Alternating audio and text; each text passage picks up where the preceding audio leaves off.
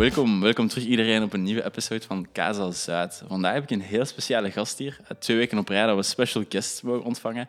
En vandaag is ook eigenlijk de eerste uh, aflevering dat we opnemen met microfoons. Voor de mensen die het uh, misschien op Instagram al gezien hebben, hebben we gewoon een hele setup in elkaar ge geboekst. Um, dus ik hoop dat het een verschil is en dat jullie ervan genieten. Ik ga er gewoon direct invliegen met de guest van vandaag te introduceren. Hij is topspits bij KDN United. Hij heeft vorig weekend nog vijf goals genet. Um, is soms gespecialiseerd ook in lucid dreaming, of heeft toch, toch getest. Um, is eigenlijk de, de meest kalme persoon die ik ken. Uh, is vader van een fantastische Alex, van een prachtige Alex, die er vandaag ook even in Kazel Zuid was. Ik heb mogen ontvangen als special guest. Uh, en is gewoon een fantastische maat van mij, uh, van jeugdvriend gewoon. Maxime Stenon, welkom. Amai, uh, bedankt uh, voor die goede introductie. Het is een uh, plezier om hier te zijn. ik heb hier al lang naar uitgekeken.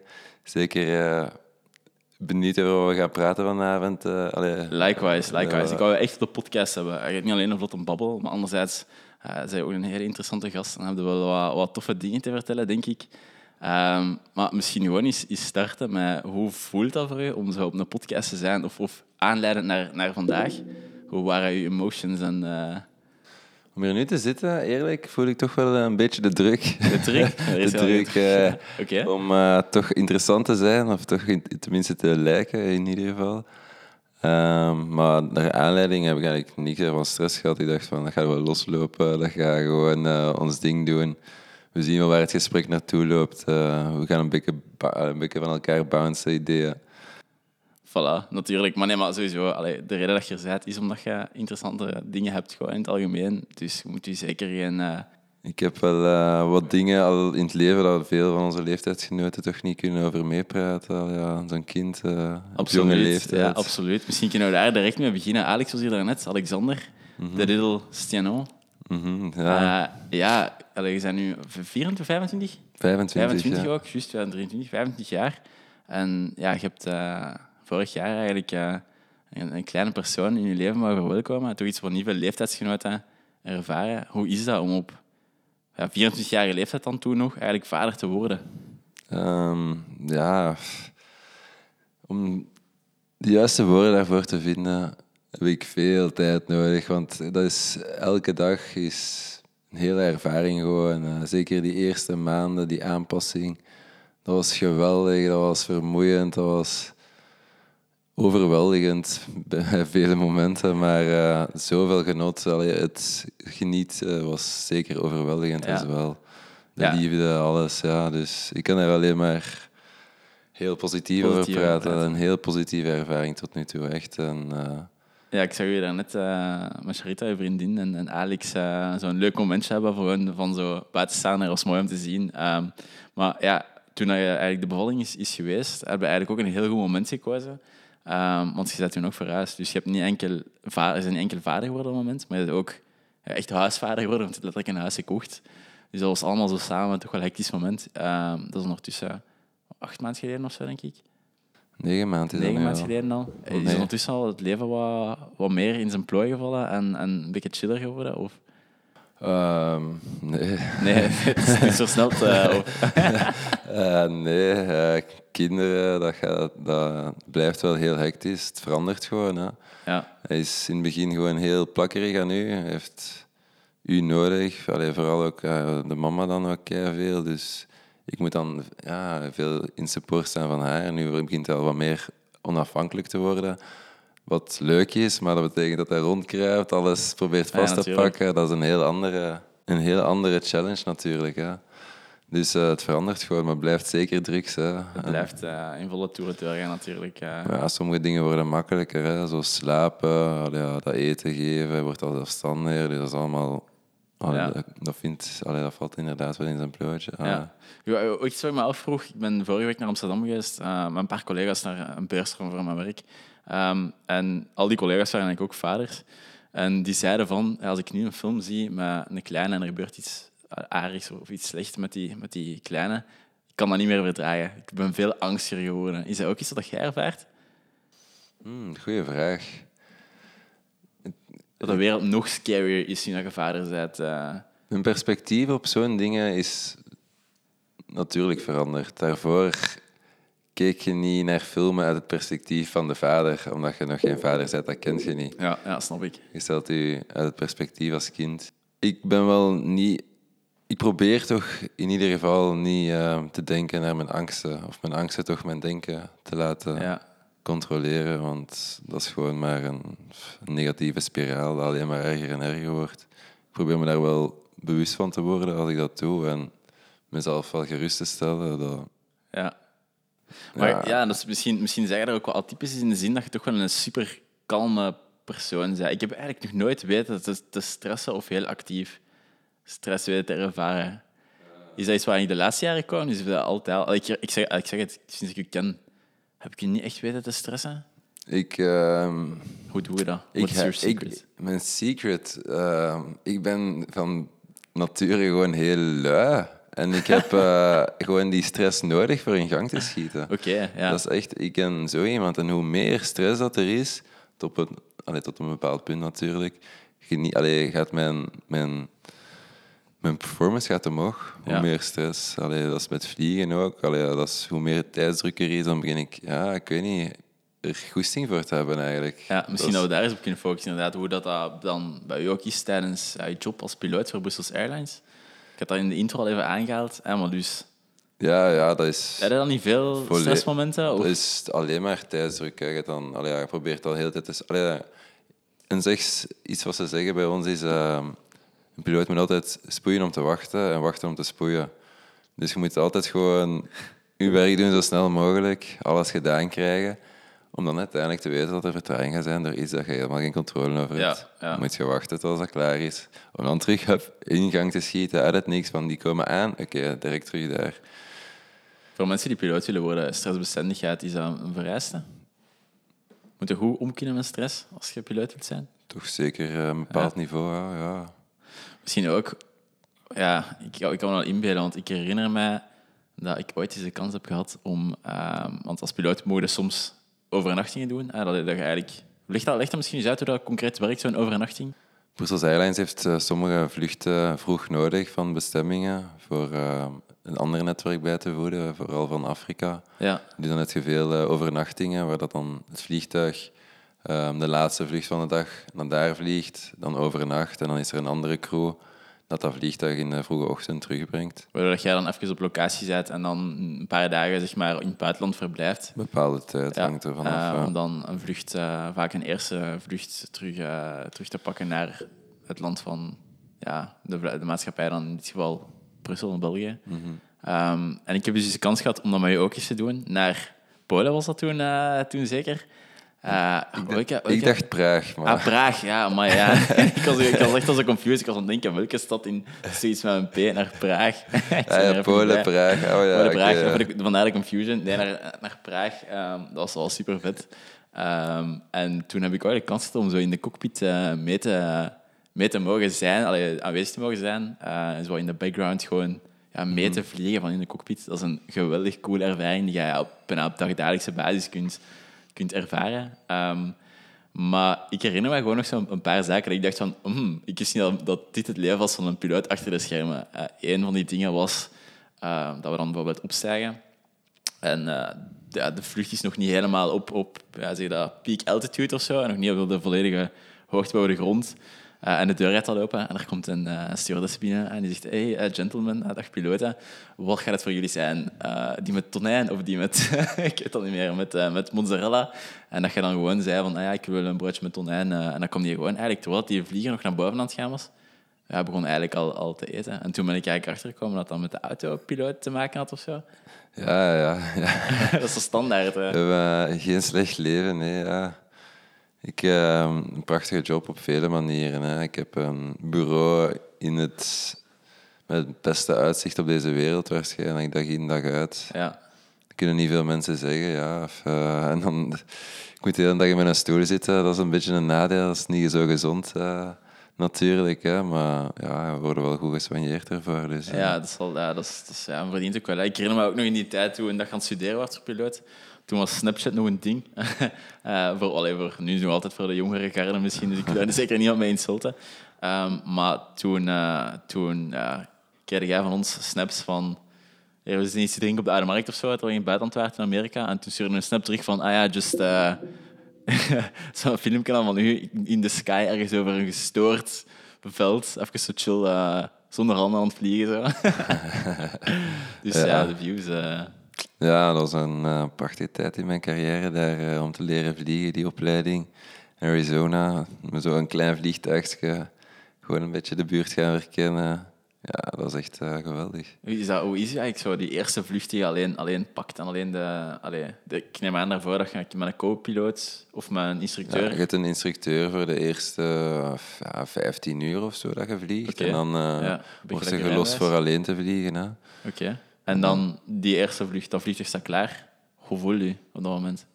Echt confident. Ja, confident, ja, toch? ja, ja, sowieso. Is dat iets wat in je persoon ligt? Of is dat iets wat dat gewoon... Dat je het zo voorbereidt dat dat voor iedereen die op dat, punt komt confident is? Of... Maar dat is gewoon met de auto juist hetzelfde. Dat was Ja. zo, ik had daar nooit schrik in de auto. Ik was veel te confident van het begin. Dat was, eh, dat was mijn probleem. Eh, Daar Ja. moest ik echt wel een beetje aan werken. Ja. Een beetje eh, de gevaren inzien van eh, Ja, het ja, ja. autorijden. Want dat had ik in het begin helemaal niet door. En Oh, wel. eh, ja, met vliegen heb ik het heel snel doorgehad. Want eh, het verhaal van mijn eerste vlucht is eentje dat, van nachtmerrie eigenlijk. Hè. Allee, ja, Oh, Oké, ik- een nachtmerrie, een beetje overdreven natuurlijk, maar toch wat je niet verwacht. Ja, het opstijgen, direct zo alarmbellen dat afgingen, een elektriciteitsprobleem. Hè. Dus uiteindelijk niet in de lucht geraakt, gewoon eh, gestopt op de piste. Ah, Oké, ja. En dan eh, ja, gewoon allee, teruggegaan. Hè. Dus dat was dan zo wel heel teleurstellend natuurlijk. Hè. Maar, maar heel goed dat stressvol. hè. dat, goed dat, dat Ja. begint. Allee, goed dat dat voorvalt voordat je in de lucht zit, denk ik dan. Of... Ja, achteraf was het niet zo'n groot. Het was gewoon de alternator dat kapot was. Maar je hebt nog batterijen waar je 20 minuten op kunt vliegen. Dus ik had wel gewoon kunnen teruglanden, eventueel. Dat was, het was sowieso maar de bedoeling voor gewoon een klein circuitje van 4, 5 minuten. En dan terug op de grond. te landen. Dus dat was niet echt zo levensgevaarlijk, maar je verwacht dat niet. Zeker in je eerste vlucht. En dan... Ja, dat was een heel hoog stressmoment, ja. Maar je, hebt, ja, je bent erop getraind. Hè. Dat, was echt, was in de briefing dat je elke keer moet doen aan jezelf zo'n beetje. Wat je leerden was gewoon van eh, any abnormality before rotation. Ja, Ja. Aboard gewoon. Hè. Want piloot zijn is eigenlijk studeren ook wel. Hè. Toch een heel groot deel van je job is scenario's verkennen. En allee, ik herinner me dat je in, in Praag bijvoorbeeld, toch, of zeker daarvoor ook, ja, in je opleiding sowieso, in je opleiding hadden gestoord veel gigantische ja, boeken die je moest, ja, die je moest studeren eigenlijk. Ehm ik was ook nog een student, dus dat ging misschien wel, dat was soms wat vlotter dan, dan anders. Ehm, maar ja, ik, ik herinner me ook dat dat zo was van, ah, oké, het groot deel van, van je job is gewoon zo scenario's leren kennen voor als er iets uitvalt of als er iets voorvalt. Hoe reageer je daarop? Of zie ik dat, zie ik dat verkeerd? Dat kan ook natuurlijk. Dat is moeilijk. Allee, zo zou ik het niet echt zeggen. Ik, ik denk niet zo. Je hebt, je hebt competenties als Ja. persoon gewoon. Je hebt kennis, je hebt decision making, ehm, communication skill. Allee, dat zijn allemaal dingen Oké. Dat belangrijk zijn in het leven, maar ook vooral in de cockpit, waar dat je moet samenwerken in groep, keuzes maken, alles analyseren. Waar je ook nog moet, een, technisch aspect van het vliegen en zo. Dus kennis is de basis van alles. Dus dat is belangrijk, je moet die kennis hebben. Gewoon ja, een be- een beetje basiskennis, aerodynamica en zo, dat leert je wel allemaal dan. Hè. Maar dan als piloot zijnde... Ja, ja, ik onderschat waarschijnlijk hoeveel kennis ik heb. Want ik, in mijn gedachten, ik probeer altijd te zeggen van ik weet nog bijna niks. Ja, ja, ja. Zodat ik altijd open sta voor meer te leren. Constant learner. Oké. Altijd, altijd meer leren. Dus ja, nu heb ik waarschijnlijk wel veel meer geleerd dan dat ik eigenlijk mezelf krediet geef. Maar eigenlijk met de job zou ik zeggen, is niet, ehm, niet werken, allee, de hele tijd piekeren over scenario's dat kunnen gebeuren. Want als er een scenario is, dan gaat dat nooit wat je verwacht zijn. En gaat het nooit gaan zoals jij verwacht. Dus dan moet je, niet, moet die niet controleren. Allee, ja, wat je kunt controleren is je eigen emotie. En dan moet je gewoon een situatie navigeren eigenlijk. Gewoon met common sense. En de skills dat je hebt als persoon gewoon. Hè. Zo een beetje gelijk in die docu's over soldaten, dat je eigenlijk eh, een soort van... Je, je bent niet constant bezig met die worst-case scenario's, maar je traint gewoon zo hard dat moest er zich voordoen dat je qua je emoties kunt controleren meer. Dat is eh, die weerbaarheid. Hè? Dat, Ja, je, dat je meer gewoon zo terugvalt op je, op je systeem. Allee, dat op je terug zo op je procedures procedure van check, check, sense check, van oké, deze doen en dan Ja. ja. zo snel mogelijk. Hè. Ja. En dat helpt, kennis, al die dingen, ja, al die training dat we doen in de simulator helpt daar natuurlijk mee. Hè. Bijvoorbeeld een engine, allee, dat een een engine failure bij het take-off. Allee, ik heb dat al honderden keren gedaan, dus moest dat eens in het echt gebeuren, dat gaat natuurlijk startle effect, sowieso, dat is al veel bewezen. Maar dat is echt eh, met training, her- constant, eh, constante training, zie je dat die startle effect zwaar verminderd wordt, keer op keer. Dus ja, dat is inderdaad op zo tijdskritische dingen. Maar ja, dat is vaak, wordt dat in het hoofd wel gestoken, dat zo in piloot, ja, in luchtvaart piloot zijn, dat, dat heel tijdskritische scenario's zijn. En dat is heel zelden eigenlijk. Je hebt bijna altijd de tijd voor de goede, een goede keuze te maken. Er zijn maar enkele, zoals bijvoorbeeld dan een engine failure op takeoff, dan moet je direct reageren, omdat er geen automatische piloot is. Als, er, een- als dat gebeurt, als de automatische op, piloot opstaat, dan eh, er reageert, reageert hij uit zijn Ja, eigen. dan dus dan moet je al meer gewoon al monitoren van oké, dat vliegt goed. Ja. Kun je al direct zo meer van je skills gebruiken in, om op andere dingen te focussen.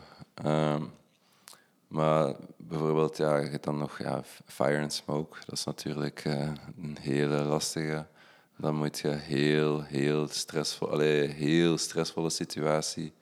Hoe gaat dat in, eh, Fire and Smoke? Dat de, de vlieger ineens in brand staat? Of, Ja, of smoke in de cabine. ja, ja, ja. Of, eh, ja, of ergens smoke, ja, dat kan eh, van alles zijn. En dan is het altijd, ja, als je binnen de 15 minuten niet op de grond staat, dan is het, is het eigenlijk al bijna geen survival. als het eh, kans. uncontrollable fire is, ja, dan is het gedaan. Ja. Als ze het kunnen inhouden, oké. ja. Ja, Smoke hangt er vanaf hoeveel natuurlijk, maar Ja. fire, dat is... En dan ook nog ja, decompression, dan moet je ook direct reageren. Hoe houdt eh, decompression in, eh, in die... In Dat is die op kruishoogte vliegen, dus ja, tot eh, 11 kilometer dat we dan vliegen. Oké. Dat er opeens een, een decompressie van het vliegtuig is. Dus dat wil zeggen dat de cabine niet meer gepressuriseerd kan worden voor een of andere reden. Waardoor de, de altitude in de cabine gelijk wordt met die van eh, buiten. Normaal vliegt de cabine op een eh 2, 2,5 kilometer. Ja. Hoogte van eh, eh, ja, de helft van de Mont Blanc of zo. Ja, ja, Niet dat dat mensen iets kan zeggen. Ja, of zo, maar maar dat is, dat is pittig hoog. eh. dat is wel redelijk hoog. redelijk hoog, ja. ja. Ja, en dan eh, van, ja, als dat dan opeens, zeker als dat instant gebeurt, dan is dat een heel, heel delicate situatie. Omdat een persoon kan maximum 10 seconden bij bewustzijn, is bij, heeft 10 seconden bewustzijn op die hoogte. Dus als Je dat moet eigenlijk in gebeurt, 10 seconden reageren. En je moet eh, 10 seconden direct jezelf beschermen. Je Holy hebt 10 shit, seconden, dus ja. alles, stel, er springt een raam, alles breekt, allee, alles breekt. De, allee, ik wil ook geen mensen bang maken. hè. Dit zijn scenario's dat Die- die beschrijven nooit gebeuren. Hè. Ja, Wij trainen daarop, maar dat is zelden gebeurd. Ja. Ehm, dus stel een, een raam, een raam eh, schiet kapot. De drukverschil is direct hup, van, eh, van 2000 voet naar... eh, allee, nee, van 2 kilometer opeens naar 11 kilometer. ja.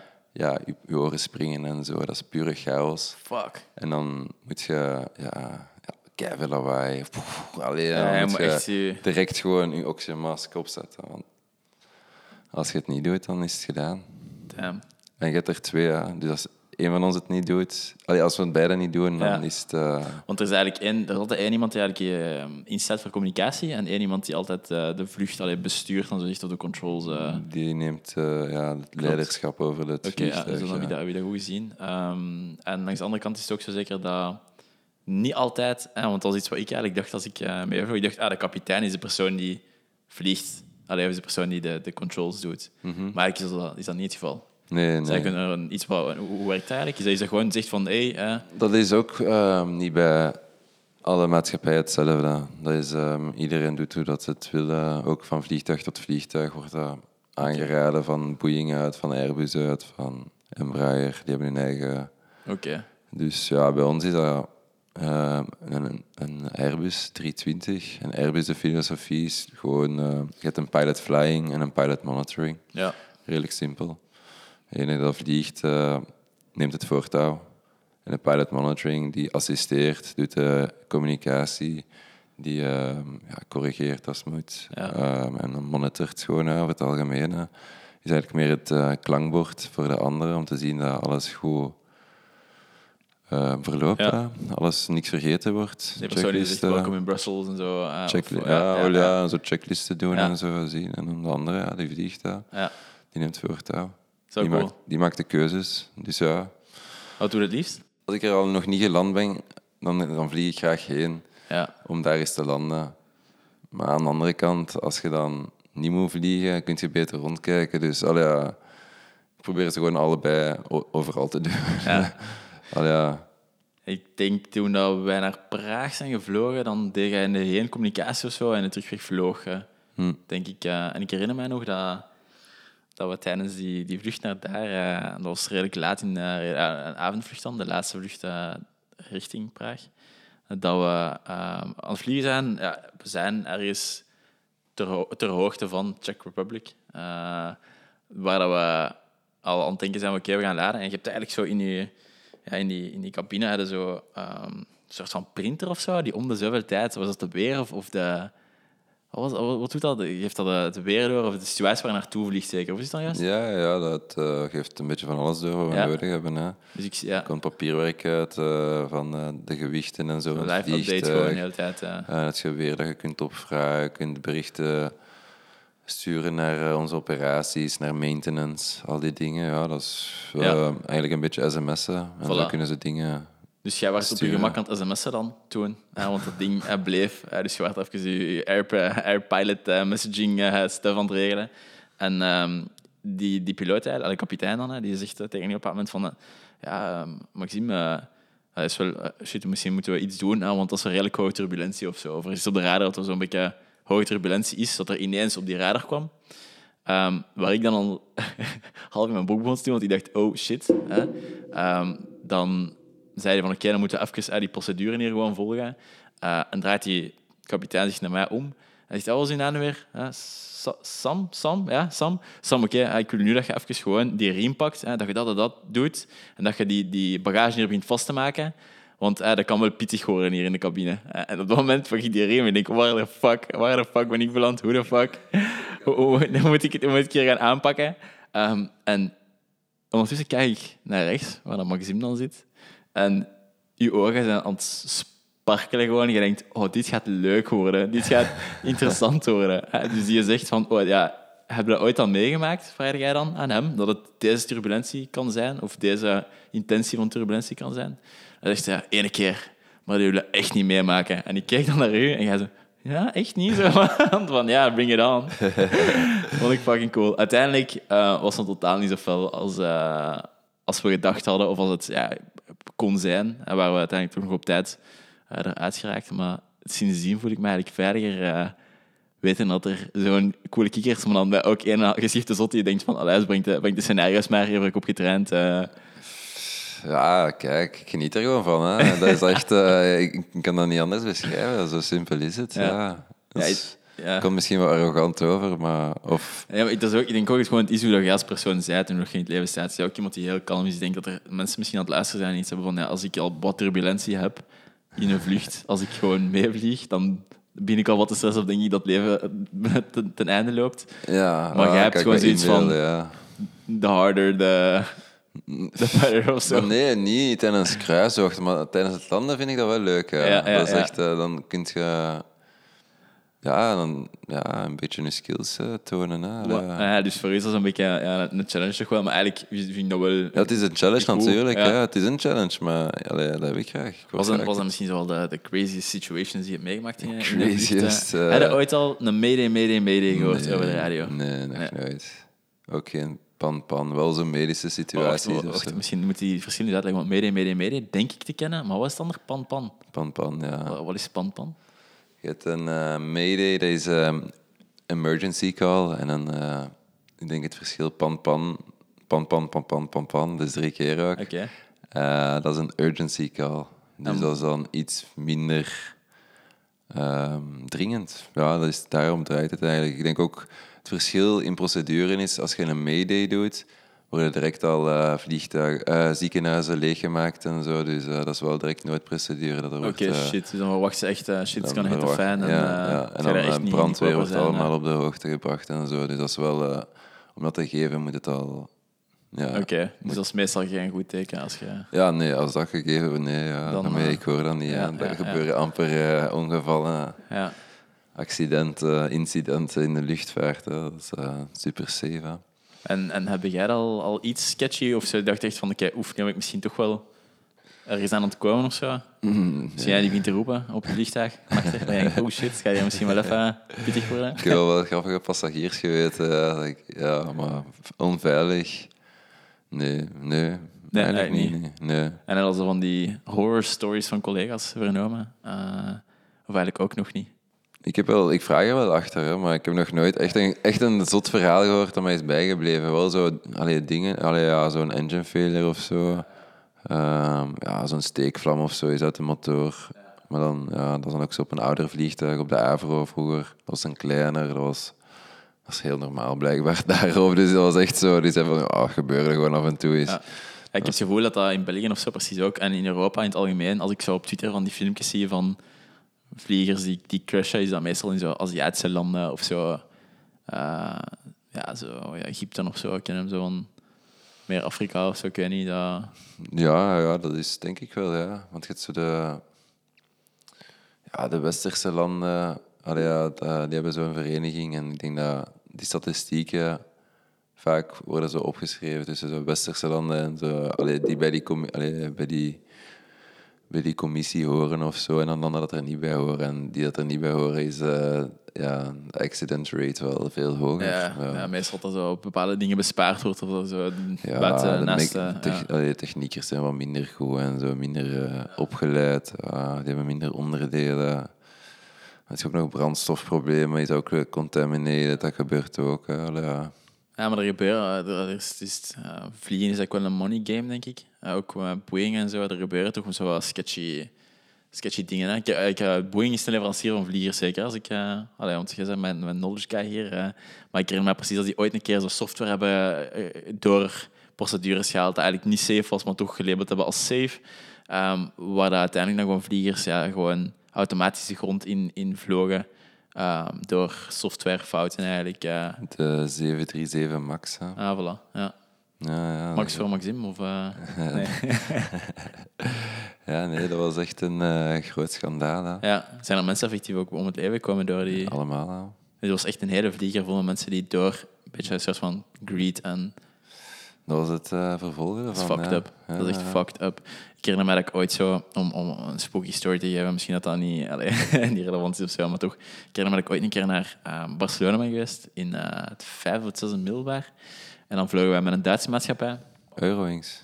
Ja, ik denk dat dat was, ja. ja. Of German Wings of zo, kan dat? German Wings? Ik weet niet. Germanwings. Ja, German Wings. Ik denk dat ondertussen die naam bestaat niet meer, denk ik. Daar een goede reden voor. Wij kwamen eigenlijk terug op een zaterdag. Een vrijdag. Vrijdag. Vrijdag, vrijdag zaterdag kwamen we eigenlijk terug. De zondag zit ik in de zetel. eh, en ik zie mijn moeder zo heel gechoqueerd kijken naar tv. En die zo, dat meent je niet, dat meent je niet. Zoals mama's wel eens kunnen zijn. Eh, misschien jij nu ook als vader, omdat het over kinderen ging eh, op dat moment. Omdat er op het nieuws dan een nieuwsbericht kwam dat een vlucht van Germanwings eigenlijk, ehm ja, dezelfde maatschappij die wij toen gepakt hadden, de bergen was ingevlogen. ehm, met een ja, piloot die eigenlijk besloten had om zijn eigen leven te nemen. En ook van paar andere mensen waar er ook wel nieuwe safety rules uit te komen, omdat hij toen denk ik zijn eh, cabine had gesloten, omdat die eh, co-piloot of kapitein op dat moment naar het toilet ging, had hij de deur ingesloten en die kon die niet meer open krijgen. En heeft hij gewoon besloten om gewoon de bergen in te vliegen. En dat was eigenlijk dezelfde maatschappij. Ehm, een paar jaar later, dan, toen dat jij piloot zei geworden en toen ik zo meer heb leren kennen over schedules, en eigenlijk ja, hoe ongelukkig, of ja, lucky, dat ik toen, eh, toen was, omdat toch wel iets is wat gewoon zo wat random kan gebeuren.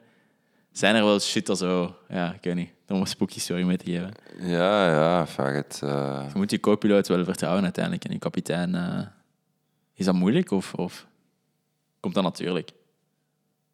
Ja, nee, ja, dat is menselijk. Dus je Ja. kunt niet iedereen vertrouwen natuurlijk. Maar je hebt wel een, een professioneel ehm, vers- allee, ja, verstandhouding tussen jullie twee. Ja. Ja. Ehm, het, is ook, het is ook makkelijk als je allebei goed kunt vliegen. Want Allee, ik wil nu niet zeggen dat er allee, slechte piloten bij ons tussen zitten. Dat zijn allemaal van heel goed niveau. Hè. Ja. Maar je hebt sommigen dat dan natuurlijker zijn en Oké. sommigen dat getrainder zijn. En Ja. Soms klikt het niet zo goed. Ja, hebben, hebben we echt zo klootzakken? Want dat is zo wel een algemeen... Klootzak- Klootzakken is iets anders, maar je hebt mensen dat stil zijn en dan niet echt over Ja. willen praten over dingen. En dan, Oké, maar er is toch zo'n cliché dat zo sommige piloten wel zo... Look at me. I'm the, I'm the motherfucker in, in, the, in the building. Ik ben echt de, de shit. Kijk naar mij. Dat is zo typisch van... Misschien is dat puur Hollywood, hè. Imago, maar hebben ego's tussen piloten? Of is dat niet zo'n ding in commerciële maatschappij? Of is eh, ik kan maar niet over uitspreken. Pleading the fifth. Het zal dat zijn, misschien. absoluut. ja, oké. Absoluut. Ja. Egoïst. En dan misschien overal wel... Allee, uiteindelijk heb je dat overal wel, hè. Ja, dat is wel zo'n... Ook nog een heel mannelijk gedomineerd beroep natuurlijk. En Ja. dan is ego toch altijd wel Ja. een factor. Ja. Zeker mannen onder elkaar willen het bewijzen. Hè. Ja, wie wordt er piloot? Dat zijn vaak mensen met passie. Ja. En het hangt er vanaf wat die een passie is. Hè. Ja. Je hebt sommigen dat de passie hebben voor de vrouwen in de luchtvaart. Ja, je hebt sommigen dat gewoon puur op die vliegtuigen gefascineerd zijn, op het reizen. Ja, misschien vraag ik mij eh, nu wel af over wat voor passie is, is het dan bij u geweest? Ehm, voor mij is het echt alleen het vliegen. vliegen die levensstijl dat spreekt me eigenlijk niet aan. Ja. Ik, eh, ik zou ook niet echt zeggen dat ik er veel passie voor heb. Voor, nee, geen passie. Het is de ervaring meer eh, van het in de lucht zijn, de view en... Ik geniet ervan, Ja. maar het voldoet me niet. Als je nu een tip zou mogen geven aan mensen die piloot willen worden, wat zou het dan zijn? Hoe die aan, die aan het punt zijn om te beginnen aan hun studies. Ehm, ja, ik weet het niet. eh, geniet ervan. Ik- Geniet ervan, eh, enjoy it. Je hebt veel mensen dat klagen. Geniet er gewoon van. Van de opleiding. Van alles. Ja. Ja, kijk, eh, er zijn sowieso dingen die niet zo nice zijn. Allee, ja, ik ben vaak weg van thuis. Ja. Het is nice en niet nice. Je kunt wel steden zien en zo. Dus ik kijk daar altijd positief, hè, maar ik voel me niet intellectueel of gewoon voldaan van alleen te vliegen. Dat is voor mij persoonlijk. ja. Ja, dus, Maar je bent ook gewoon een super ambitieuze persoon. Ik denk dat voor veel mensen het bereiken van de piloting license en het piloot kunnen zijn al een soort van bucketlist item is waar ze hun hele leven naartoe willen werken of zo. Of in hun leven, dat is toch wel naartoe willen Wel, werken. voor mij is dat exact zo. Ik heb dat nu gehaald voor stabiliteit in mijn leven te hebben, paycheck. Allee, ja, stabiliteit, ja, dat is ook niet waar, want dat is een heel onregelmatig schema natuurlijk. hè. Ja. Maar ik heb wel mijn Financiële inkomen, stabiliteit ik heb, dan, eh, ja. allee, ja, mijn leven heeft wat meer orde. Ik heb eh, al dingen bereikt dat heel goed zijn voor mij, maar ik hoop wel in het leven nog andere dingen te bereiken dan gewoon piloot zijn. Dus is niet, Heb je al een, een volgend avontuur op oog? Eh, of iets dat je als volgende ding wilt doen? niet dat ik hierop wil delen. Oké. Very secretive. eh. Ik mag misschien zeggen dat je van plan bent om eh, gewoon een hele pornostraat te openen en een eigen pornolabel. Als niet eh. No comment. Ehm, ja, mag iets anders waar ik het ook echt mee over wou hebben. Ehm, vorige keer, als je er dan had het over balance en zo. Hoe dat eigenlijk ja, het hele leven over, over balance draait. Ehm, een voorbeeld daarvan is eigenlijk ja, opnieuw dat je heel kalm kunt houden. En dat komt daar ook eigenlijk mee door dat je dat constant in je achter, achterhoofd hebt. Je hebt vorige week vijf goals gemaakt eh, als spits. Ik ben iemand die met heel veel moeite scoort, omdat ik altijd denk van shit, die bal moet erin stressen als ik nog voetballen. Opnieuw, dat is gewoon echt wie dat je als persoon heel kalm bent. Maar hoe is het eigenlijk gekomen? Hoe zijt je eigenlijk op dat punt gekomen dat je nu die kalmte kunt bewaren? Want als jij een penalty moet zetten, allee, als er iemand in een ploeg een penalty moet zetten, ik geef de bal aan u omdat jij de kalmste bent. Hoe, hoe komt dat? Hoe, hoe kan dat? Dat jij zo kalm bent. What's your secret, Max? I want to know. Secrets. Ah. Ja, ik ben veel bezig met van alles natuurlijk. Hè. Ik Met meditatie of... meditatie. eh, Oké. ja, gewoon focus in het algemeen. eh, omdat je focus is waar dat je wilt dat dat is en niet met andere dingen bezig bent in een match. Als jij focust 100% op de match, dan ja, ga je ehm, proactief zijn, ga je niet reageren en dan zeg je altijd twee stappen eerder als iedereen. Dat je probeert te verdedigen en dan Oké, hoe beginnen we eraan? Ik wil morgen topspits worden voor KDN United. Wat, wat kan ik doen om, om kalm te blijven? Niet alleen misschien op een voetbalveld, misschien ben ik, ben ik nu te, te narrow aan het gaan met het Ja, algemeen. ja, met voetbal als spits eh, zou ik zeggen geboren, eh, allee, Dat is geboren. Dat is zo geboren de- met talent. En Ja. dat killing instinct, ja, sommigen hebben dat, sommigen niet. ja. Dat was denk ik gewoon, dat is in je, dat is in je DNA gewoon. Dat kun je niet echt aanleren, denk ik. Je kunt wel de timing en zo leren, maar echt dat killerinstinct van En als je dan over killer instinct hebt, is het het kalm blijven dan. je kans. Of gewoon je voet. Dat is meer, kans dat is meer pakken, echt. hè. Ja, ja, Dat is ja. je kans pakken gewoon. Hè. Ja. Want is gewoon, die bal komt, je ziet die komen. Je hebt een fractie van een seconde om die goed te raken. Of ja, je kunt, ja, als je echt heel goed bent, zoals Messi, ja, Of Ronaldo. of Ronaldo, ja, dan doe je met die bal wat je wilt. Op, Ja. allee, ja, Ja. Maakt, allee, maakt niet uit. Al die Ja. topvoetballers, hè, dat is natuurlijk niet het niveau waarop ik speel. Hè, maar Maar daarbuiten, allee, dat killer instinct, neem je dat ook mee buiten het voetbalveld? Dingen die je gewoon op dagelijkse basis doet? Want je hebt ooit, ik, weet, ik herinner me precies als we zo, ah, dat is al lang geleden, we hebben ooit nog samen gestudeerd ook, criminologie gestudeerd. Eh beide niet afgemaakt, beide geen criminoloog geworden. Eh, andere passies gevolgd. Maar toen, eh, rond die tijd, was je ook bezig met zo lucid dreaming. Ik vond dat mega interessant. dat is, dat is wel iets dat me een paar keer gelukt is geweest. Je hebt dat effectief kunnen doen. Misschien om wat context te geven, kun jij in een paar zinnen uitleggen wat lucid dreaming inhoudt voor de mensen die het misschien nog niet kennen? Heel simpel, dat is eh, gewoon realiseren in je droom dat je aan het dromen bent. En dan bewust je droom manipuleren naar wat dat je eigenlijk wilt. Beetje gelijk de film Inception, zo uh, Ja, je eigenlijk- droom kunt controleren. Dat is wel vergelijkbaar, ja. Dat Ja. is van, ah, ik wil gaan feesten, je doet een deur open en je bent in een feestje. En dat was, zo heb ik het ervaren. Ja. Ja, en hoe, hoe begin je eraan? Hoe doe je dat? Ehm, ademhaling. Ademhaling en je, je gedachten trainen gewoon.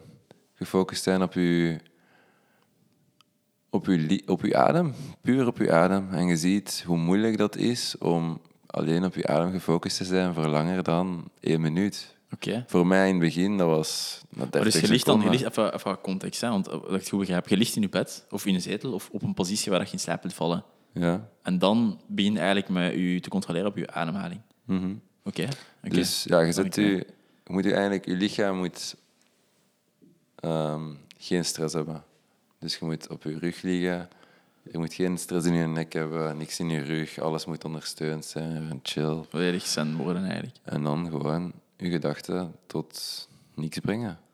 Geen gedachten. En, en hoe begin je eraan? Zijn er applicaties die je gebruikt of programma's die je volgt? Of is het echt gewoon iets wat je zelf, puur jij, Overtuiging. alleen, Ja, wilskracht, overtuiging, ja. ja. gewoon echt solitude, niks rond Ik, u? eh, ja, je probeert het donker te maken. Geen gsm naast je dat kan afgaan. Geen lichten of zo dat je irriteren.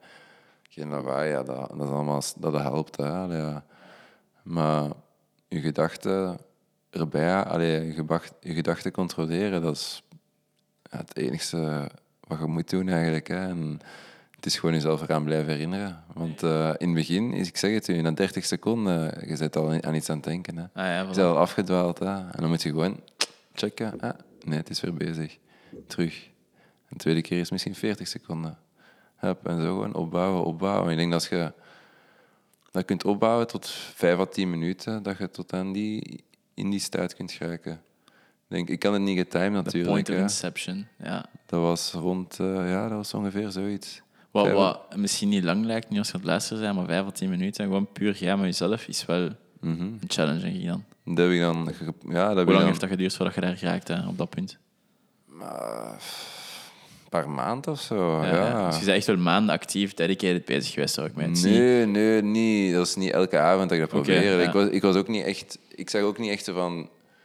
Als dat iets kan lukken, is chill. Maar ik, ik merkte er de, de positieve dingen uit zonder dat ik die lucid dreaming had. Als dan je gedachten op een, op, een, op een rijtje krijgen, controle hebben over je gedachten, dat zorgt ervoor dat je in het leven ook gewoon veel meer ehm, proactief kan zijn over hoe dat je omgaat met situaties en veel minder reageert, omdat je Ja. je hebt je emoties en je kunt die niet controleren. Je, Ja. zet, je volgt die gewoon. En je kunt dan meer zien van, ah, oké, ik voel me nu zo.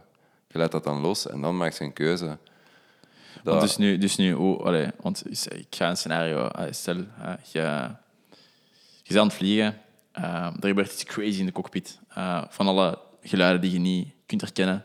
En je weet van shit, shit hit the fan. Dan moet eigenlijk kalm blijven of je gedachten op een rijtje kunnen zetten. Hoe begin je daaraan? Zeg je tegen jezelf van oké, Maxime, nu ga ik mij op mijn ademhaling focussen. Of je begint gewoon te ademen op een bepaalde manier. Of hoe, hoe... Oké, Nee, daar, in die situatie ga ik dat niet doen. Kan andere wel- situatie, andere situatie. Gewoon Nee, nee, maar gewoon, daar het, ik kan daar wel goed op antwoorden. Daar heb je een heel, je hebt een startle effect. Gewoon, eerst moet je zien van wat of, allee, eerst een, een eh, je bearings een beetje hebben, Oké. hè, zien van waar zit je, allee, Ja, wat gaat er af, even zo. En dan is je, je maakt een, eh, om in de procedure te geraken, zegt je, degene dat vliegt, I have controls and communication. Dat begint heel de situatie. Dus dat, daarmee komt je op je poortjes terecht. ja. Je kunt even die, die minuut, hoe lang dat je nodig hebt, 10 seconden, allee, maakt niet uit, om zo en dan, in plaats van zo dan gewoon te reageren, Ja, I have controls and communication, bam, gecontroleerd. ja. En dan hup, hij herhaalt dat, you have controls and communications. Dan eh, als vliegende zegt je ECAM actions. Dat betekent dat hij probeert het probleem op te lossen gewoon. ja. En dan kun jij beginnen met te praten met ATC, weer beginnen vragen. Allee, al zo een beetje Het is echt collaboration. Het is echt een samenwerking. Samenwerking, ja. Maar dat, ah, ja, dat is wat begint. Maar bijvoorbeeld in andere situaties, ja, ik vind dat ideaal om gewoon eens in te ademen.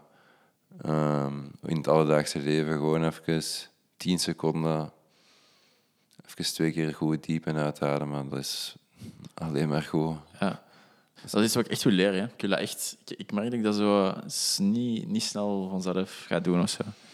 Maar ik de benefits er ook wel van, van inzie. Dus eh heb je tips voor mij om, om eraan te beginnen? Ehm, dat, is, dat is een goede vraag. Ja, een goede app.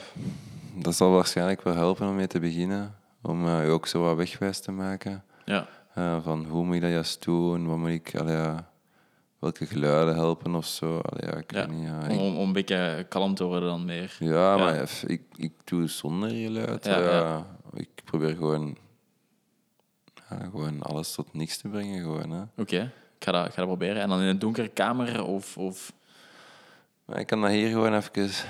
Wacht, hè. maar jij bent, jij bent masters en...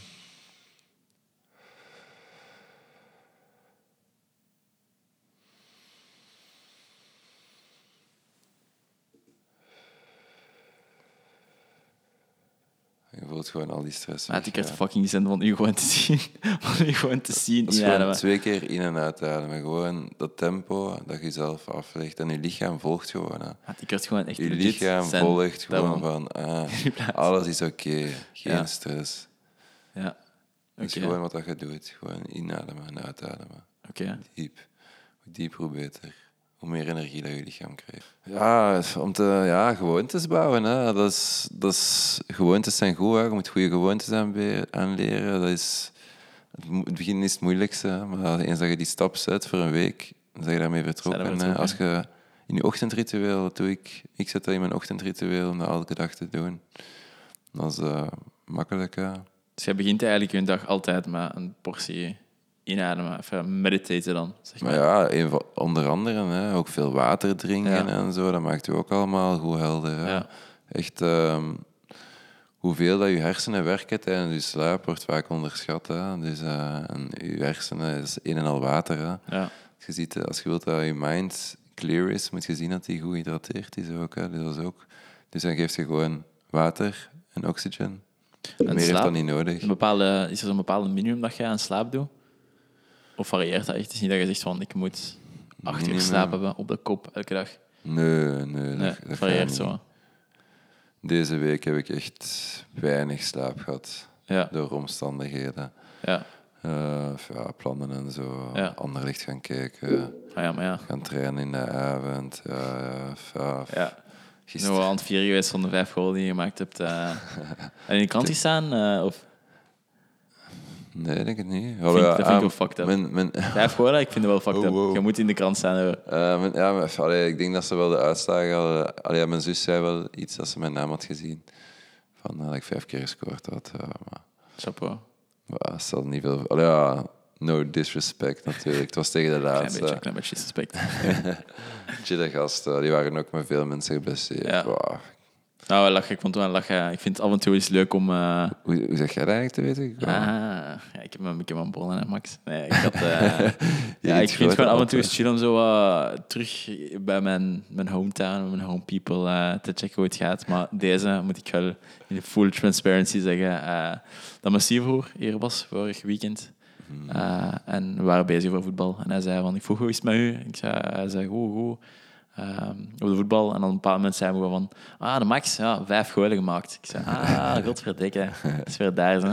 Dus vandaar dat ik, eh, dat ik erachter was gekomen. En ik had dus gecheckt. Ik vind het jammer dat ik geen highlights wil kon checken, zoals bij de Premier League. Het waren wel schone goden. ja. Ik, twijfel er niet aan. Zeker als je vijf maakt, moet er een paar lekker tussen zitten. Binnen een paar jaar zal het wel zo zijn dat je, zoals in, eh, in alle ranks van het voetbal, dat er een camera is hangt, toch? Dat je, dat je de highlights kunt checken. Dat zou de moeite zijn, dat zou ik wel vet vinden. Mhm. Ja. Zo, tegenwoordig moet dat niet veel kosten. Hè? Allee, ja. Het is dat, het is dat. Ja, er zijn al heel wat dingen mee bezig. ja. Ja. Zijn, er, zijn, er nog, zijn er nog dingen die jij graag, eh, graag wou bespreken? Want ik ben, ik ben zo wat van het ene topic naar het andere aan het sleuren. Dan zijn er dingen die jij graag nog, eh, Ehm, nog kwijt wilt of aan, aan mij wilt. eh. ja, over zelf groeien, aan jezelf werken. Daar wil, allee, daar heb ik, eh, wil ik wel over praten. ja, ik weet dat niet vond ik wel interessant daar- vorige keer ook. Omdat je, daar, je had er een paar interessante dingen over. Ja, van, van balance. Ik vond uw, uw anekdote over... ehm, dat was niet weer. Het was over zo natuurrampen of zo. Kun je nog eens herhalen? Dat is iets met... met ah, hu- hurricanes of met... Van, als je kijkt naar storm... Wie, ik weet niet wat... Het was, het was echt Ah, iets... Het was echt, iets, het was echt hoe het zei, dat was zo'n quote van uit een boek gewoon. Ah, ja, ik, ik kan me nu niet meer de exacte woorden. Ik kan het misschien nu niet meer niet eer aan doen, maar Probeer. ja, gewoon. Het leven draait alleen maar om eh, balans eh, en chaos. En balans brengt die chaos in balans. Hè? En de chaos haalt de balans eruit. En dat is in alles wat er is in de, in de wereld werkt die twee krachten met elkaar. Dus er is geen Dus- balans zonder chaos en geen chaos zonder balans. Inderdaad. ik- Anders dat zou er niks zijn. En dat zijn de twee grootste krachten. Ja. Leven en dood. Dat is gewoon andere namen daarvoor, maar dat is hetzelfde pri- principe. Ja. Leven is chaos en eh, dood is balans. Ik vind dat iets, iets super poëtisch, maar ook ja, echt gewoon waar. Als je er gewoon op terugkijkt over dagdagelijkse zaken die je meemaakt als mens. Als je soms, als het even, even niet meer gaat. Ik heb bijvoorbeeld nu ook een week echt zo heel veel stress gehad of zo heel veel, heel veel dingen gehad. Op een ineens punt dat je zo weet van oké, ben even zo zen. Dat je er die balans wel vindt en dat je terug zo wat de weg ziet. Dat je denkt van oké, ah, het, het Mhm. komt goed. Dat heb je nodig, hè. Ja, dat is maf. Dat is maf. Maar zijn er, zijn er dingen die, die jij dan doet of zo dan buiten? Dat is vooral die ademhaling dat jij dan gebruikt ook om, om je kalm te houden. Ehm, kalm houden. Maar ik heb ook, zoals gezegd, ik ben dat altijd wel geweest. Ik ben altijd een... Mijn filosofie in het leven is eerst observeren. En als je dan pas iets te zeggen... Allee, ja, eerst zoveel mogelijk opnemen. En dat heb ik dat, allee, altijd proberen te doen. Als kind had ik wel... Allee, ik moet wel zeggen dat ik veel koppiger was. Ja, een kleinere Dus- toch wel. eh, Ah, ja, ja, zeker tot in mijn adolescente jaren. Toch wel redelijk koppig. Vaak dingen niet willen leren. Niet openstaan voor andere mensen hun mening. Daar heb ik wel ehm, gelukkig redelijk qua, ehm, hoe moet ik het zeggen, lucide momenten bij gehad. Van dat dat heel destructief is als je niet openstelt. Want hoe groeit je anders als persoon als je niet Ja. kunt aannemen van iemand anders? En eh, ja, op veel vlakken gewoon naar jezelf durven kijken. Hè. Of, eh, kritisch zijn. eh, van, Er is al veel mensen wel moeite mee hebben, denk ik. Ik denk van, van buitenaf staand dat dat misschien ook gewoon het, het traject dat je hebt doorgenomen al, van, van jonge gamin tot, tot nu. Eh, vader van ja, prachtig kind, geweldige vriendin. Ehm, dat je gewoon ook met, met levensgebeurtenissen of zo heel vaak geconfronteerd bent geweest met dingen die je ja, gewoon moest facen. En, en, Ja, inderdaad. Eh, ik, heb, ik heb... Ik kan perfect herinneren wanneer dat is begonnen. Echt dat ik realiseerde van... ik moet aan mezelf werken. Oké, wanneer was dat dan? Ah, Als je dat wilt sharen, natuurlijk. Dat is wel eh, een persoonlijk verhaal. Ik, ik heb geen probleem om dat te zeggen eigenlijk. Ik had wel ook al gedacht om het te zeggen, omdat ik denk wel dat mensen er ook wel iets van kunnen hebben. Oké. Maar ik had, ja, toen ik 13 was, zo'n beetje een dieptepunt van mijn adolescente jaren. Ja, dat was... eh, ik zat dan op school, dat ging niet goed, eh, vaak geschorst en zo, problemen met sommige leerkrachten. Ehm, ja, thuis ook veel problemen. En dan ehm, hebben mijn ouders besloten van mij naar een eh, instelling te sturen. Eh, op Gasthuisberg voor een maandje, om zo te, uit, een, uit de situatie thuis te gaan en daar dan zo wat geïsoleerd, nieuwe routinen en zo. En ja, dat was echt een dieptepunt, zoals ze zeiden. Van, want ik dacht eerst van, oké, dat gaat wel niet gebeuren. Totdat ze zeiden, Ja. van, morgen gebeurt dat. En dan, ja, dat was een dieptepunt. Daar heb ik eh, echt... Ik had echt het gevoel dat ik echt niks kon in het leven. Dat ik niks waard was. Op 13-jarige leeftijd wel al een heel, allee, een hele Ja, zware confrontaties. Kan dat ik was me- heel moeilijk. Ik voelde me helemaal alleen. Ja. Niemand, eh want dat- niemand voor ja, je zei ineens uit je, compleet uit je routine gehaald hè, als 13-jarige. Dus Ja, ik dacht echt van mijn leven allee, is fucked up. En dan dacht, kom ik daar aan. Ehm, ook al een jonge leeftijd is dat, Max. 13 jaar is wel... ja, ja, en dan kom ik daar aan. Dat was echt de chillste maand van mijn leven. Dat was echt, dat was echt zo dat dat geïsoleerd. Allee, toen heb ik gere- gerealiseerd van, oké, ik ben als persoon niet zo slecht als dat de mensen mij soms doen geloven dat ik eigenlijk Ja, was. ja. Ik ben gewoon misbegrepen. Ja, Want ik weet, allee, ik ben een goed persoon. Ik ga geen mens kwaad doen en ik ga proberen te helpen. Juist. Ik ben heel behulpzaam van persoon, zou ik denken. Ik, zou, ik zie altijd het goede in mensen. En ik zag wel, die koppigheid, dat, is mij, dat, is, dat ben ik niet. heb je eigenlijk echt in de spiegel Dat is, kunnen kijken? Of, of, dat was Ja, eigenlijk het ik- moment dat je maar, echt die reflectie maakte. Ja, dat was, ik, ik weet nog perfect het eh, de scenario. Want ik had heel, heel die periode heb ik geen enkel conflict gehad. Er was geen enkel keer probleem. Maar voor een of andere reden moest ik eh, in een bepaalde avond een kwartier vroeger naar bed. Voor een reden dat ik niet akkoord mee was. Ja, Dus ik kon dat niet plaatsen. Ja. Ik kon dat niet. Ik kon niet zeggen van, ja, ik, ik ga met u meegaan. Ik zei van, nee. En ik heb gewoon dat kwartier gewoon koppig in die zetel gezeten. Echt gewoon. En dan een kwartier is omgegaan. Ik zei van, oké, nu is het uit. Ik ga in mijn kamer. En de volgende dag zei die begeleider zo van, ah, ik denk dat we een... eh, ik denk dat we de, is de echte Maxime hebben gezien. En die woorden zijn altijd in mijn dingen gebleven. Ja, want dat was niet de echte Maxime. Ja. Dat was de maxime dat het leven mij gemaakt had om te Ja. overleven met copingmechanismes. Ja. Niet kunnen omgaan met Ja. autoriteit door allee, voor veel andere dingen. En toen heb ik mezelf wel in de ogen gekeken van dat is het niet, dat zat niet mij. Dat is er ingestoken voor, om te kunnen overleven gewoon. Ja. Dus ik kan dat ook afleren. En ik heb dat heel snel begrepen dat je veel slechte gewoontes kunt afleren. En ja, zo stressen en zo, negatief zijn, dingen zeggen, kleine dingen, zo van ik moet iets doen. Je hebt mij dat echt nooit horen zeggen. Allee, of ik haal het direct terug van nee, nee, ik moet dat niet doen. Ik, kan er, allee, ja, ik mag dat doen. Ja. Oh, Wat, gaat er, wat gaat er door je hoofd dan? Je zit, dan, je zit daar dan, eh, je zit met die begeleider te praten, je moet naar bed gaan, je weet dat je die confrontatie niet gemaakt hebt. Mis, mis je thuis, mis je vrienden, wat was, was je bezig dan? Nee, ik was alleen. Ik voelde mij daar beter als thuis op dat moment. Dus. En, en dat alleen zijn was, was iets wat je, embraced hebt van, van heel snel, of was dat iets wat... Ah, in mijn leven ben ik altijd geïsoleerd eigenlijk geweest van de meeste mensen. Omdat mm, mijn ouders hebben me nooit begrepen. Omdat, ja, ik wil ook niet, niet te veel teruggaan in mijn jeugd of zo. Ja, of zo waar maar, comfortabel allee, ja, hè. Ik was dan ja, hoogbegaafd dan, zo'n zo'n diagnose om het te zeggen. Dat brengt al veel druk van je ouders en ze begrijpen eigenlijk niet waarom ik niet geïnteresseerd raak in dingen. Ja. Want, ah, ja, kijk, school is super saai, natuurlijk ga ik daar niet geïnteresseerd raken. Ik voelde, ik, ik zag het nut niet van school. Ja, Ik had ja, nooit begrepen van waarom ik daar zat. En ja, daarmee deed ik nooit mijn best. Ja, dat begrepen ze niet. Ja, dat was gewoon zo heel mijn leven. Ja ik denk als buitenstaander is het gewoon, als je dat hoort van ah, die, deze persoon is zo begaafd, dat je automatisch iets hebt van ah, dat wil zeggen dat die zich goed gaat presteren op school.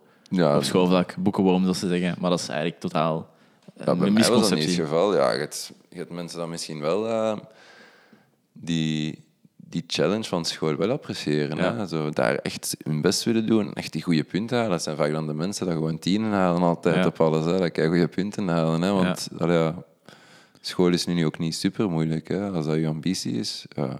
Ja, voor sommige mensen is, is je je wat jij hebt, is het omgekeerd eigenlijk. Hè, wat daar de compleet andere kant van het spectrum. Mensen die wel ja, gewoon wel willen naar school gaan, maar gewoon niet, niks kunnen in hun hoofd steken of niet deftig kunnen onthouden. Dus dat ook, ga ik even mee challengen om, eh, om gewoon toch een beetje de, de andere kant te representen. Eh, maar ik denk van de andere kant, ik denk dat veel mensen zich heel slecht praten over hunzelf, heel slecht denken. En dat ze veel meer kunnen dan dat ze eigenlijk Mhm. Dat vind ik wel hun een eigen krediet Ja. vergeven. Ja, Dus een heel goede maat van mij, eh, Pieter Allaert, die, ja, die dacht heel zijn eh, middelbare schoolcarrière, omdat hij BSO deed, dat hij dom was. ja. Maar hij was gewoon nooit gemotiveerd. mhm. En dat is heel belangrijk. Dat is wat veel mensen missen op school, dat, is, motivatie. dat is eigenlijk een hele, een hele grote. Ja, dat is echt, En, dat, is eh, echt, dat, is echt, dat resonate ik super. En eh, hij is dan... ja, hij is dan zijn droom is van muziekproducer te worden. Dus hij heeft dan een bachelor gehaald daarin. Ja, dat is dan een zware opleiding. Hij had heel zijn leven BSO gedaan, nooit gestudeerd in zijn leven. En hij haalt zijn bachelor daarin. Dus niet omdat hij dom is, maar gewoon omdat hij gemotiveerd Ja, is. en omdat... Hij ja. had een doel en eh, hij wist hoe dat hij zou geraken. En nu zit hij in LA en hij probeert eh, zijn leven allee, als producer op te starten. Allee, hij is daarmee bezig. Super, vet, super vette stories ook gewoon dat je dat kunt waarmaken. Inderdaad, Met dan die... die ja, ja. maar Dat is, maar hij heeft zijn eigen weg gevolgd en dat is wat iedereen moet doen. Hè. Ik heb ook veel dingen gedaan dat mensen nooit gaan opkomen, zelf maar om te denken. Ja. Maar eh, je moet gewoon je eigen Ja, aanvoelen. Ik, ik, ik ga er heel erg mee akkoord dat met motivatie te maken heeft. eh. Dat is, eh, bij, ja, bij mij, bij mij het zo ook, tegen mij hebben ze ook gezegd van... eh, in, in, in- we hebben allebei op HDC gezeten. Ja. Mhm. Ik ben denk ik... Jij is daar later toegekomen of zo, dan... Nee, ik was vroeger. Hè. Ik was, eh, ja. Ah, je zat een jaar was hoger als mij. ja. Ja, je zat een jaar hoger als mij. Ah, misschien even op u te focussen nog. Jij bent dan eh, eh, naar HDC gaan, middelbaar. Je bent inderdaad een jaar... ehm we zijn allebei van 1997, ja, maar je bent dan een jaar hoger in de klas al ehm, ja, gevolgd. En op je 16 jaar hebben we eigenlijk gezegd van... Met dan alles op zijn climax gewoon van... Oké, het schoolsysteem bij HDC... eh of beter als ik ga bij de max... Is, eh, eh, ligt me echt niet. Ik, wil, ik zie niet meer zitten om die lessen hier te volgen. Ik kan dat op een snellere manier doen. En dan is eigenlijk op je 16 jaar hebben we besloten om dan middenjury te doen. Ik was eh 15. 15. denk ik. Ja. Oké, op 15 jaar. Ja, Ja, dus dan is eigenlijk op je 16 en zo is afgestudeerd aan middelbaar. Ja, ja, Twee jaar voor. klopt. De rest. En dan, om even een, een- terug, terug te komen op, op eh, wow, echt super chapeau is trouwens. Ehm, en dan zijn eigenlijk misschien, eh, om nog verder te gaan ook, dan zijn eigenlijk op zoek gegaan naar verschillende studies. En opnieuw wat je gezegd, je bent echt op zoek gegaan dan naar die interesse. Want toen waren die jaren dan vanaf het middelbaar, waar je eigenlijk ook, je had wel vrienden daar op HDC. eh, mensen die altijd met veel lof over je praten, mensen waar je soms nu nog mee afspreekt. Ehm, hoe was dat voor u dan? Want je zit, niet, je zit ineens niet meer in die omgeving. En je bent dan 16 jaar. Ja, mentaal een intelligente gast. Maar het is toch natuurlijk wel het sociale aspect ervan. Hoe, hoe ging dat voor u? Hoe, hoe heb je dat ervaren? Zoals ik zei, ik, heb gewoon opengesteld voor het leven en zoveel, probe- proberen mogen, eh, zoveel mogelijk proberen op te nemen. Ehm, Je bent naar het buitenland geweest, zeker? hè? ik ben eh, ook naar het buitenland geweest. Ja. Je bent je 16 naar, naar waar was het? Amerika? zei naar? Amerika voor vier maanden. Dat heeft wel heel goed gedaan voor Ja. eh, is andere culturen, andere manieren van denken, eh, van, denken van, van handelen, om dat eens tegemoet te komen. Dat heeft mij heel hard opengesteld. En daar heb ik ook ja, veel geleerd over de Belgische cultuur, de Belgische manier van denken Ja. eigenlijk. Hoe de tekortkomingen daar, daarvan. Ja. Vooral eh, Belgen klagen heel graag, zitten echt in de cultuur. Hè. Ehm, en hoe destructief dat, dat is, hoe achterbaks ook de, de Belgen kunnen zijn. Oké. Ehm, niet veel in je, in je gezicht durven zeggen. direct als er een probleem is. Nee, dan moet je even, Ja, zo wat confrontatie afwijkend of zo. zo Ja. even wegsteken en dan achter de rug zo een beetje praten van ah, dat stoort mij, ik weet niet, voor deze Ja. reden. En, en dan daarna misschien zeg je er iets van, zo een beetje uit het niks. Allee, ja, dat is zo de Belgische... Ehm, er is, even voor context te geven, ehm, klein Alexander is, is, is back. Eh, de- onze tijdserie op, jammer genoeg. Ehm, maar misschien als afsluiter is er nog, is er nog iets wat je wilt meegeven, een final note, voor de mensen die aan het luisteren zijn? eh positive vibes. Positive vibes. Dat is echt belangrijk in het leven. Ja. Alles positief denken en dan komt het leven goed. hè. Dat vind ik niet schoon. En Max, we gaan dat opnieuw doen. eh. Dat is Ehm, een, plezier. hè. Goeie ontvangst hier. hè. voilà, on that note. dat is uit. Mensen die aan het luisteren waren, tot nu bedankt om, eh, om tot nu te luisteren. En ehm deel zeker met jullie vrienden. Ehm, en tot de volgende keer.